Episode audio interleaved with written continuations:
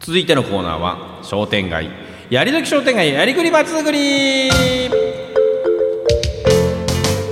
さあ時刻の方は6時43分ということでございます、ええーこのコーナーでは商店街の活性化まちづくり活動の推進についてどのように考えどのように実践していくのかというのを、えー事例的検証などを含めながら分かりやすく紹介提案していくという、えー羊年の羊のコーナーでございます。はい。はいまああのー嬉しいことに講演を何箇所かで私もしてるじゃないですか。商店街活性化についてあのおのね。話をね、えしていますね。で、えーっと先週からですね、えーっと山口県は小野田市の方の商店街さんからメール入ってきてその理事長さんから。理事長さんから、うん、メール入ってきて、え実はご相談がありましてこれこれ今こういうことまで考えてるんですけど、こういうことについてアドバイスをいただきたい。うわあその具体的なアドバイスで。そうそうそう。なかなかできる、うん。あの商店街理事長さんですね。ですね。はい。ということもありまして。理事長さんともなるとですねそう。そうそう外部に相談できませんよ。まあね。やっぱりもう名誉職ですから、うん、でそうなんですけど、まあ、はい。前に講演で行って、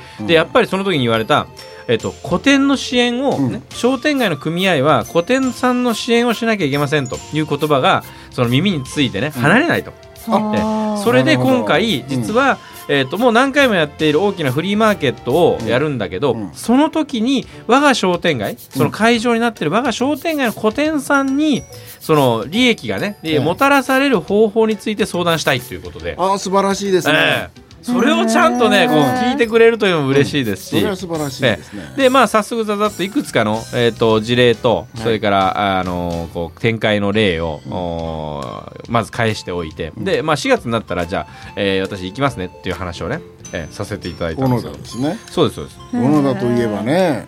うん、小野田はねあのサンパークという大きなショッピングセンターがもう一人勝ち状態なんですけど。うん。でねでその近辺にあるんですか、えーとね、これはねあれはあの駅から離れてるんです。で駅の前にあるのが日の出商店街で。あそちらの商え店街、えそうなんです。だからね逆に言うとこれは、うん。サンパークさんと手を組むことも考えなさいっていうアドバイスをしてて、うん。距離的にもね。そうなんですよ、うん。ええ。サンパークの方に行って例えばそこで、ね、ミニコーナーでうん。商店街がうん。アンテナショップみたいな形で、ね、もうえっ、とあれですよ。たあのほら日替わりで1個のお店の人がね、え1日だけそこにお店を開きながら、うん。でもそこでサンパークというでっかいところに来てるお客さんをうん。掴んじゃう、とかね。もしくは出張所みたいなそうなんです。感じですね。ええ。で圧倒的にやっぱりサンパークさんの弱みは、うん。えっと駅とはつながってないんです。うん。はい。もちろん自家用車でほとんどの方は行きますしあとはバスなんですね、でもそのバスだって駅前から出てる、ねで、えー電車で、えー来られる方はやっぱり小野田駅なんですよ、うん。その駅前には商店街がある、さあこの交通の連携の中でサンパークさんと、ね、手を合わせて手を組んで日の出商店街生きる道ありますよっていう話、いやもう今ね、うん。あの商店街はもちろんのことながらそのショッピングセンターもですね、いかにその地域のコミュニティをその中に作るかっていうことで一生懸命ですからね。えですね、はい、うん、でもお互い知恵を出し合ってねそうそうそうそう。手を組んでっていうのがいいんでしょうね。ん。まあ、まさにウィンウィンのね、うん関係になれると思うんですよ。うん。ええということでねそういうあのおアドバイスを実際にさせていただいて、はい。まあ、具体的にあの小野田の商店街に今度出かけていってじっくりお話をさせていただこうということになっております。まあ素晴らしいですね。ええそういう話の中もありましたし、はい。えーもちろんうん。あの大阪の、えーこのフォーラムに行ってまいりまして、はい。今回は、えー三種の神器と言われております。現在。三種の神器。うん。現在商店街活性化三種の神器って言われて冷蔵庫とテレビとそう昔はね、ええ。あいや 冷蔵庫テレビ洗濯機。洗濯機。うんだったんですけど知らないでしょ？いやいや、あまあ、知ってますか？その、はい、三種の神器っていうのはわかりま。です商店街活性化の三種の神器はですね現在言われておりますのは100円商店街。はい。それからはバル、バル。はい。はあ。そして町ゼミ。町ゼミ、ええ。あら一点一品はもう。でいやいやでですね、うん。5種の神器になりますとこれに一点一品と、はい。まあ一応マチコンが入ってくるんですがマチコンはね。でマチコンはこの5種の神器の中でうん、最初に廃れます。絶対に。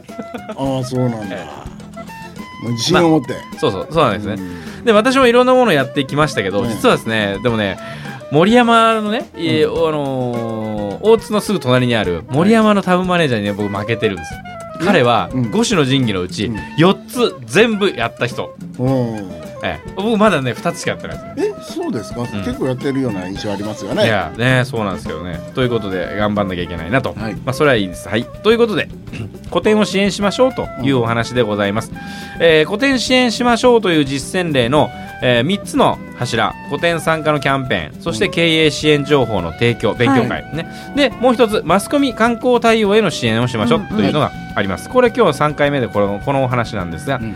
マスコミリリースを古典さんが、えーしてあげられし自分のところでできないんだったら、はい。もういくらでもしてあげてくださいと、うんね。はいはい。でマスコミリリースについてはもちろんもう商店街の、えー組合の人が、えーまあ、各マスコミさんと、うん。えーネットワークを持っていてはい。その方々に書いてもらいやすいような載せてもらいやすいようなネタを提供していく、ね、この辺は秋田正道の講座で聞いていただければいいですけども、ね、あのー新聞記者さんもですねよく街中歩いてますんでね。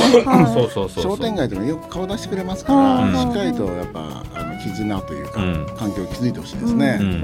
で、えーそれと、あのー取材がですねじゃあリリースをしたことによって、うん。取材が入りますよって言った時に、古典の人だけの対応で弱いうんのと同時にリリースをしたうん。商店街のね、えー組合としてうん。一緒にその部分でお手伝いをしてあげればいいんですね。そうですね、あの記者の方もその辺の,、あの組合長さんの言葉とかやっぱ欲しがりますね。うなんですよ。うん。ね。ええ。やっぱり商商店街を挙げてあここのお店の新しい商品だとか新しいサービスだとかっていうのをみんなで盛り上げていこうとしてるんだなということも分かっていただけるし、はい。えーやはりそのこういうことをやっていくプロに商店街がなっていけばですねその時に古典の人だけでは語れなかったことをフォローしてあげたりもできるし、はあね。ね、そしてあの普通の新聞とかの記事物だったらまだいいんですけど、うん。例えばテレビの、ね、ための絵を作らなきゃいけないとか、そう。うん。焼いたりね。そうそう、うん。そういう場合になるとやっぱりね応援がいるんですよ。うん。でそう他の人ね。も呼んでこなきゃいけないし、うん。ね。うんええ。そういうことをちゃんと組合として応援をしてあげる、はい。でもう一つ。あの表に出た情報をですねきちんと組合員さんたちに返してあげることなんです、うん。こういうふうな例えばテレビ番組になりましたよ、うん。うちの組合の時はだって DVD ちゃんとそれそれのレンタルまでやってましたもん。ああそう。うん、見てなかったっていう人には DVD 貸してあげてとかね、うん。ええ。それから、えーこういうものでいついつ放送になります。テレビの放送が入りますからその後っていうのはお客さんがどっと来ますよっていうご案内をちゃんとしておくとか、うん。ええ。それから新聞に載ったら新聞に載りました。こういう形で載りましたということをもう一回またニュースを使って皆さんにお知らせをする、ね、これが大事なんです。自分たちのやってることが情報になってるっていうのを知ってもらうことが大事なんですね。はあはあはあはあ。ええ。これがマスコミ関係で、えー組合がやんなきゃいけないこと。でもう一つ観光支援の関係があります、ええ。これは、えーこれもマスコミさんと同じなんです。要するに外に情報を出していくこととその情報によって来てくれたことを人たちを受け入れるために古典ではできにくいことを商店街の組合がやってあげるあの旅行エージェントとかバス会社さんですね。自分でツアーを組んだりもしくはそのツアーを頼まれて連れてきてくれる人たちに対して情報の提供。でもちろんその情報を提供するためにはこのお店はこういうふうに対応できますとかいう収集情報収集をしてで情報を提供してあげること。それから窓口になってあげる。えーお店で一つ一つはできないので窓口になってあげてじゃあこの商店街にバスで来ていただくんだったらこういう風なルートで来てください、えー近くの大型の駐車場はこうあります。とかね、えーそれをやっぱり親切にやってあげる。